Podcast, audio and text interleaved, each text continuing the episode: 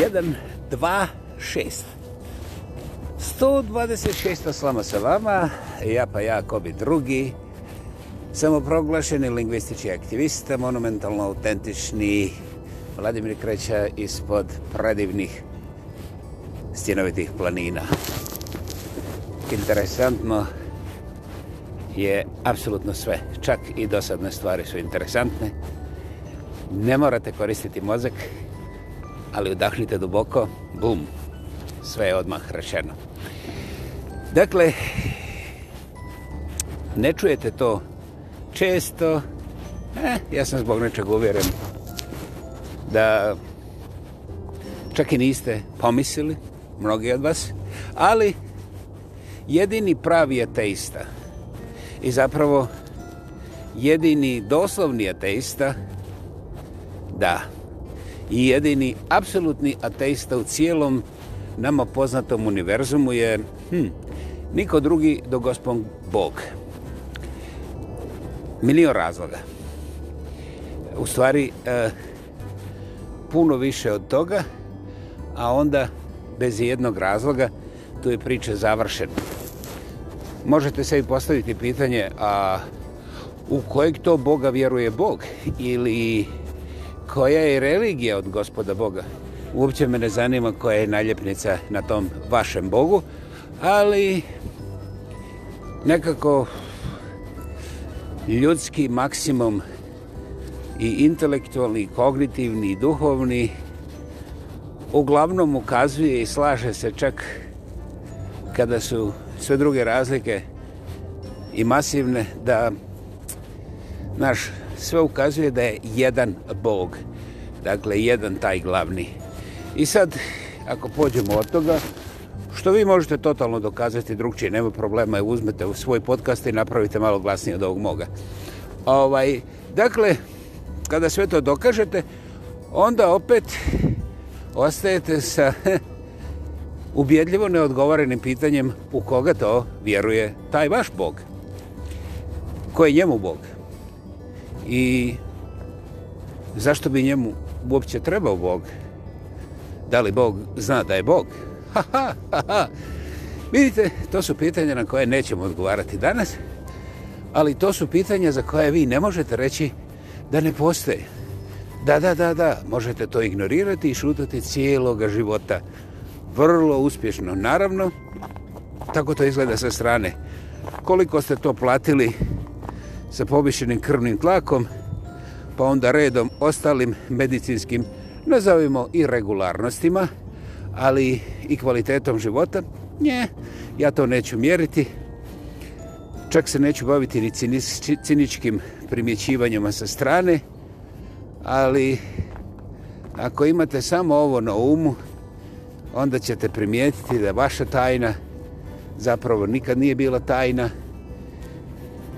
i da vi sa malo više otvorenosti, barem prema sebi, barem prema sebi i svojim najbližima, možete učiniti nevjerovatne zdravstvene zahvate za svoj korist i za svoj bolji život.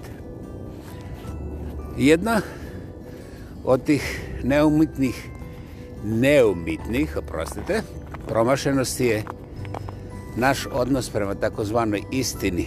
Znate, ne postoji naša i njihova istina. Ovaj, I vrlo je jednostavno prepoznati čim postoji istina koja ima neki epitet, znaš ono, istinitija ili plava istina ili žuta istina ili perina ili džurina. Tog momenta ovaj, čak i mentalno najteže među nama je odmah zatvaraju nos jer stvar ne samo da zaudara već je i promašena. Naime, istina nema rod, spol, miris, okus i sad izaberite ostale epitete koje možete da smislite. Istina je zapravo e, malo drugačiji naziv koji bi trebalo, trebalo biti kao plemenitiji za nešto što se zove objektivnost. Objektivnost i to ne bilo koja objektivnost, nego ona objektivnost koja se ne može dalje raspravljati, a to znači da primjećuje stvarno činjenično stanje koje je sa koje god točke gledano ono objektivno, znači takvo kakvo jest. Dakle, nema uvećavanja, nema umanjivanja, e, nema pretjerivanja. I sada tu postoji jedan problem transmisije. Naime, ako mijenjamo kut gledanja, e, ja i moj kolega Pero nećemo vidjeti istu stvar, jer imamo različitu dioptriju.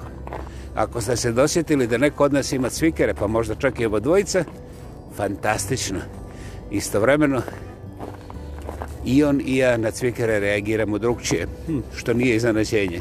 Dakle, kako god okrenete, čak i uz pošteno nastojanje da sa različitih kuteva objektivno vidimo istu stvar, znakle da tumačimo i svjedočimo istinu, već na tom tehničkom nivou, zaboravite kognitivni, intelektualni, duhovni, imamo problem i desit će se, što kažu ovi išće Krčića, mismatch, desit će se, htjeli mi to ili ne htjeli, zbog toga onda mi prihvatamo tu ne bih rekao polu istinu, nego nagodbenu istinu, jer razumijemo da postoje i te objektivne situacije gdje ljudi koji baš vide to što vide, krivo tumače, ne zbog toga što imaju problema sa inteligencijom ili sa osjećajem istini, nego jednostavno njihove cvikere nisu tako dobro izoštrene kao, na primjer, perine.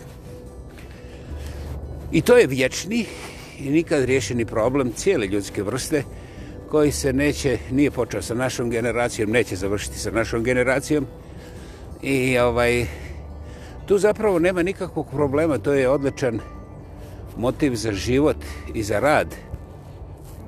Kada ljudi žele da uče i da rade? Ali onog momenta kada se ljudi zatvore na svojoj formuli sreće, dakle, ova nacija, ova religija, ova istina. Primijetili ste ova istina. Toga momenta zdrav razum je eliminiran i počinje nešto što bih ja skraćeno, brutalno, jer je to još brutalnije u stvarnosti nego što ja mogu reći, nazvao Ćao Bao, sve vrste civiliziranosti, kapric je došao u sobu. I to onda ubija na sve moguće načine i začine, čak i bez začina, zavisi kako mu se prohtije. I taj proces je vrlo, vrlo, vrlo jak, bez obzira što imamo pametne telefone i možemo imati svoje podcaste iz nekog slučajnog parka. A, a možemo imati i bolnice, i škole. U, čudo život, ta civilizacija je baš napredovala. Ovaj, dakle, kao što vidite, sve lijepe te razloge koji nečemu vrijede mi poredamo i onda kažemo to je naš svijet, to je istina naša. Dakle, vi tamo drugi, e, možda imate istinu, ali naša istina je istinitija. I onda počnu ovakve riječi, onakve riječi, pa onda ova smicalica, ona smicalica, pa onda se malo viče, pa onda se malo previče, pa se onda, Bože moj, vrišti, vrijeđa i onda svakako, Bože moj, to opozijunački, pa onda sve ostale alatke za to ekspresno ubjeđivanje preko krvi, da Bog da vas sve tamo njihove pojeli crvi, jer mi smo u pravu čim vas sredimo, idemo na kavu. Ehm. I okej, okay. ljudi su stvarno spremni da doslovce crknu za nekakvu razliku koja je uglavnom razlika verbalnog verbalne formulacije. Recimo, mi smo u kapitalizmu, što znači da ste vi iz komunizma šugavi, prljavi i da hoćete sve nas da pojedete za doručak bez salate. A ovaj, ovo može zvučati groteskno, ali realnost trvenja komunizma i kapitalizma u ovih zadnjih barem 50 godina je apsolutno besmislena iz zilijardu razloga ono što svijet ne želi da diskutira, a to je da navodno, ne navodno, nego svima je jasno da je Kina najveća komunistička zemlja. Međutim, na zapadu ja ne vidim gotovo nikoga ko bi se usudio reći da zapad duguje toj takvoj Kini koja je prije 50 godina bila sirotinska zemlja, nevjerovatne nevjerovatne mase novca i da je Zapad debelo prezadužen. Najprije najveća zapadna sila koja je do jučer kao bila glavni motor ove planete, razvoja planete ili tako to nešto, nije bitno. I ovo ovaj, to onda spada kao tajna. I oni su, znakle, ti prljavi komunisti su toliko novca, jer ako smo dužni, onda to znači da smo ga na neki način uh, uzeli, posudili, iskoristili.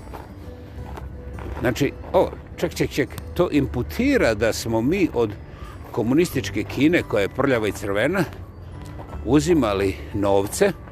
Ne, ne, ne. Mi nismo uzimali novce, mi smo uzimali nike patike a, i ostale naše zapadnjačke proizvode. Ček, ček, ček, kako smo uzimali? Aha. Dakle, te radnike za koje smo se tako uh, žestoko borili za njihova ljudska prava, mi smo vrlo, vrlo rado plaćali dolar na dan.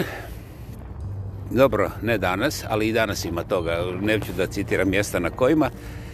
I ovaj, plaćajući te radnike dolar za dan i naplaćajući njihov rad 100 dolara na sat, kada donesemo taj proizvod na svoje tržište, ili na treća tržišta gdje tražimo još više para, mi smo držali nastavi, nastavu toj istoj Kini kako ona te radnike ne poštuje i kako im ukida takozvana ljudska prava. ovaj, I danas je naravno oko toga tabu govoriti jer to je laž, to je propaganda kontra časnog demokratskog kapitalizma koji ovaj, mislim vrlo interesantna, koji sam sebe dijeli svima, mislim nekima malo više i onda sve to mi nešto kao, onda idemo svaki četiri godine da odlučimo gdje će višak para na koju stranu. I onda smo mi slobodni, a kinezi su i dalje šugave komunjare koje zagađuju i ugrožavaju svijet. Razmislite. Razmislite ako možete. Jednostavno, stvari je otešla izvan kontrole bilo kakvog razuma. Apsolutno. I ovaj, a, recimo kad bi među nama bilo stvarnih vjernika, onda bi ljudi zamolili ove što im pune mozak sa tim političkim korektnostima i spravnostima da kažu hej, znaš šta? Bog nas je kreirao da svi budemo braća. Ne moramo imati bratstvo jedinstvo, ali braća.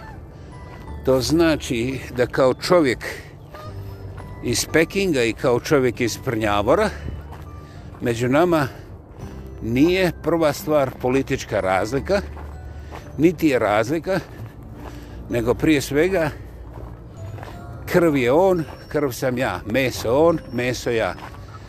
Mi smo Božija stvorenja, I kao Božje stvorenje trebamo imati minimum respekta, da, stvarnoga, ne političkog, ne komesarskog, ne naređenog, ne financijskog. I ja poštujem tog čovjeka. Ja ne mogu da ga napadam iz prnjavora što on ima ili nema ova ili ona prava. To je njegova država i u njegovoj državi on treba da rješava njegova politička pitanja u mojoj državi ja neću dozvoliti mojim političarima da mi okreću pogled na smrdljive komuniste da li u Kini, Kongu, Zairu ili možda u Njurku, pun Njurk komunista, tetke mi. Ovaj, i, I jednostavno ću pitati, ej, šta mi radimo za prnjavorske, na primjer, kanalizaciju ili škole?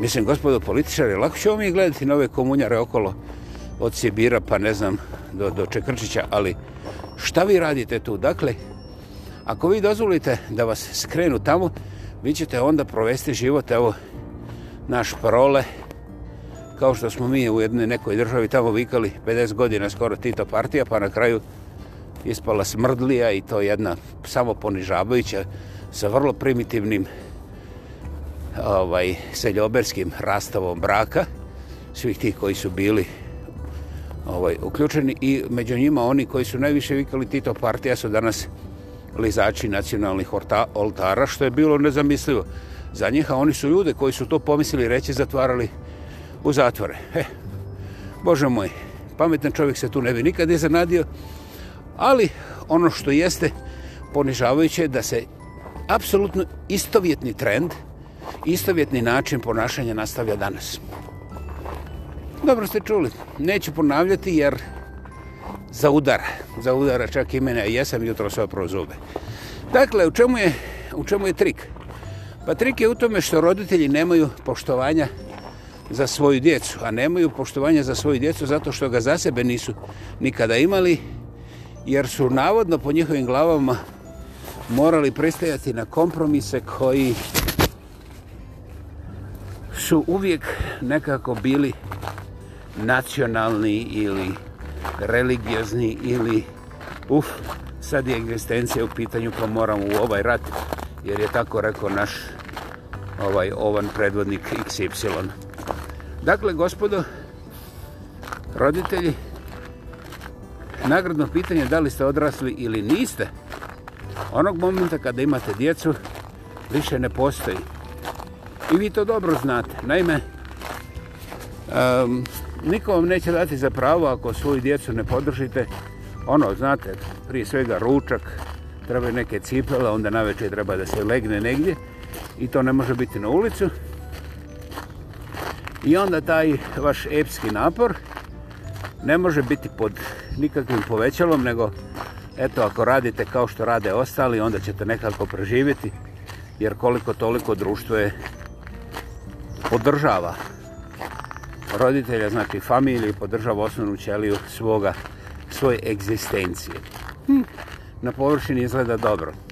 Ja ću se zadržati samo na odnosu roditelj-dijete. Roditelji koji nisu nikada odrasli, a među njima ima i profesora i doktora, mislim, jedna je stvar biti doktor za rasjeći tamo neki organ pa ga zakrpiti precizno i onda spasiti nekom život. To je ne samo impresivno, nego to je egzistencijalno važno, na primjer, za mene koji sam imao tu operaciju. Međutim, kada taj isti super sposobni kirurg dođe doma i WC mu se zaštopo i on malo drmne jače tu školjku i ona krcne, raspadne se, počne curiti voda, on upada u paniku, a recimo kada mu pukne nečija aorta pred nosom pa se čovjek utopi u krvi, on to riješi za manje od 3 minuta i čovjek preživi. Međutim, kada govnjova cijev pukne, kada ga pukne taj smrad, malo hladne vode, pa onda odjedno vruće od nekuda, on se jedan izgubi i dok tako spašava, ne sjeti se da može zvati svoga domara, on uništi ne samo kupatilo, već i kuhinju, onda ovaj hodnik, dnevnu sobu i nekako spoveću sobu sa čak ovim balkonom. Kasnije ljudi imaju problema, znaš, pričaju viceve i jednostavno ne mogu shvatiti kako je on uspio da od tako relativno bezvezne stvari napravi kompletno uništenje stana. A pritome čovjek je sasvim sigurno vrhunski intelektualac i niko nikad nije imao sumnje u njegove sposobnosti kao hirurga. Ja sam ovo samo naveo zbog nečega što moramo debelo razmisliti. Vrhunski zubar je vrhunski zubar. I ako ga ostavite doma da napravi obične palačinke, on vam može zapaliti kuću. Ne zato što je glup, to nema veze s tim, nego njegovo iskustvo i njegova vizija posla koji treba da uradi je na sasvim drugom mjestu, na sasvim drugom nivou i radi sasvim druge stvari ako recimo jednog fantastičnog astronauta koji se nevjerovatno snalazi u kaosu vrlo malog prostora orbitne stanice radi nevjerovatna čuda u smislu kontroliranja elektronike i dinamike istraživanja u tom konzerva zatvorenom prostoru ako toga čovjeka dovedete u svoj podru da ga očisti vrlo je lako moguće da čovjek pogreši i sruši noseći stup vašeg, vaše kuće. Dakle, on ne može biti glup, ali e, on može da napravi koliko god hoćeš glupih poteza i sada ja sam izabro slučajna zanimanja, ali izaberite vi, znate sigurno slučajeve. Zašto sam ja onda počeo tu od djece? Po pa vrlo jednostavno, roditelj koji nikad nije odrastao, nikad ili bolje rečeno gotovo nikad od svoga djeteta neće biti viđen kao nezreo ili nikad odrastao. Jedino kad ta djeca odrastu tamo, dohvate svoju djecu koji pa imaju nekih 40 godina, onda postaje moguće da jedan veći broj te djece progleda, ali vrlo mali broj njih će progovoriti o tome. Dakle, roditelji koji prodaju danas strikove kao da bi navodno spasili egzistenciju svoga djeteta i pritome rade huh, razno razne stvari o kojima ja ne želim trošiti slova danas, oni to potisnu i zaborave. Međutim, onaj sa početka spomenuti Bog, kad sam ja govorio da je on ateista, on ima još neke druge stvari karakteristike. Naime, Bog nije tu da kažnjava, ali kao univerzalna sila u svemiru, on i tekako vodi račune, a to je suština njegove, njegovog bivstva, Gosom Hegel, provjerite, da, da ovaj, izbalansira stvari jer e, neka sila u prirodi mora postojati da izbalansira stvari. Izraz je poznat, populariziran pod karma. I najkraće, Bog ne kažnjava, karma ne kažnjava, nego dovodi stvari u balans. Karma je teško dimenzionirana sila u univerzumu koja primjećujete karma bog, bog karma, da je to za mene nekako vrlo teško razlučiti, jer u ovoj funkciji ne vidim preveliku razliku. Dakle, ta karma ne ostavlja ni jedan dug u univerzumu neporavnate. Nikada, za sva vremena. Ta karma nema podrazumijevajuću ili našu istinu. I ona ima svoj sad, svoj kalendar i svoj način. Ništa od toga nije kako bi to crtao ili planirao ili uradio čovjek. Međutim, čak i oni najtvrdokorniji među nama su svjedoci da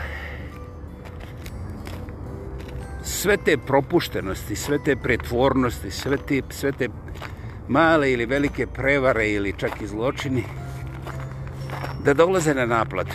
Nije u pitanju da li će to procesuirati ovaj sudski sustav i država i društvo gdje živimo, ali je sasvim sigurno, bez obzira šta radi sudstvo, politika i ostali, da taj prirodni mehanizam, karmički, nazovimo ga tako, radi perfektno i dolazi. I roditeljske greške u pravilu, lista je podugačka, ja ću napraviti nekoliko podcasta na to, da roditeljske greške i greške naših prethodnika, pogotovo one podmukle i namjerne, apsolutno nepogrešivo dolaze na naplatu i mene oduševljava masu primjera koji su stariji od Krista i a ostali su zabilježeni i ja sam kada sam ih prvi put čitao nisam povezao dva i dva ili možda jedan i jedan ne znam šta je kompliciranije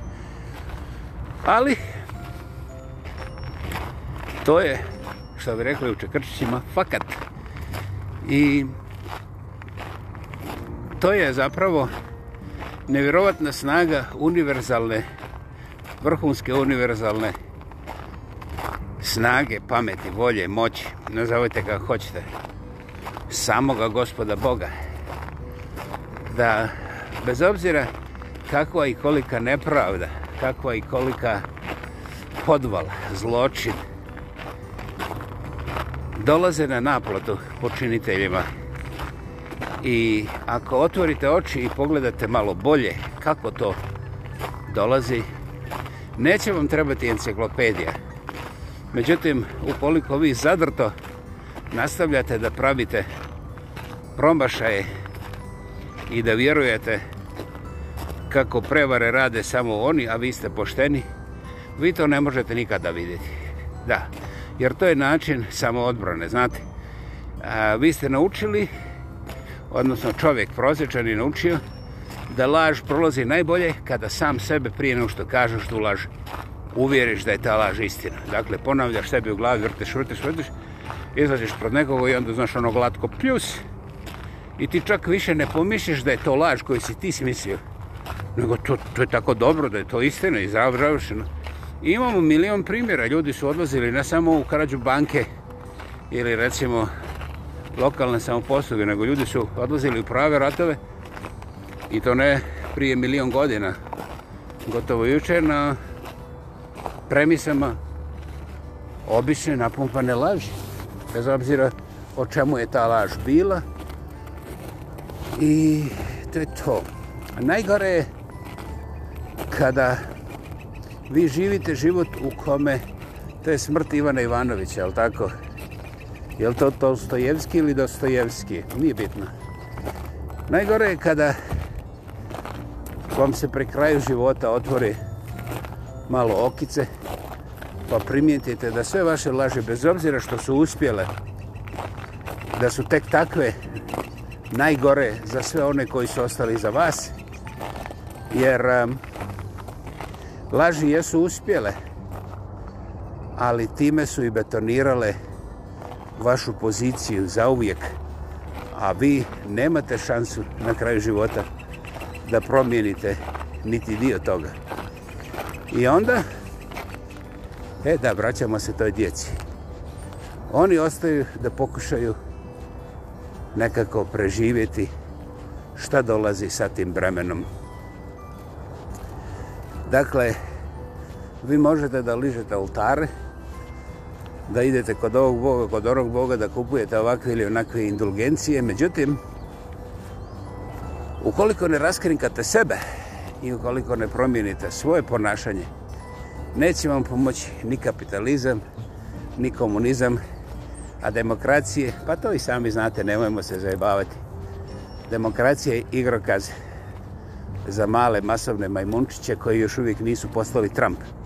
Jer čim postanu Trump, onda više nemaju potrebe da demokratiziraju i to ste vidjeli sa televizije šta rade dalje. Eto, a, dakle, ako volite svoju djecu, zavirite u svoje ponašanje, zavirite u svoju praksu i ne morate otići da kupite ni jednu indulgenciju, ali čim zavirite pošteno u sebe i svoje, otvorit će vam se fantastičan prostor i mogućnosti da učinite iskorak koji je puno veći od ordena nacionalnog heroja koji je onako, što bi rekli ovi iz Čekršića, fad, jer je tu da začepi gubicu masama, a one druge koji bi htjeli kritički da gledaju, ha, i njima da začepi gubicu. dakle, vi doista ne želite biti nacionalni heroj, ali vi želite ostati roditelj koji će biti pamćen u generacijama vaše djece, A to se i kako može, jer apsolutno sve je u vašim rukama. To je bila poruka 126. slame sa vama. Ja pa ja, ako bi drugi Vladimir kreća ispod predivnih stjenovitih planina, hvala vam, hvala vam, hvala i imajte predivan vikend. Čujemo se vrlo brzo ponovo. Sretno, dragi moji.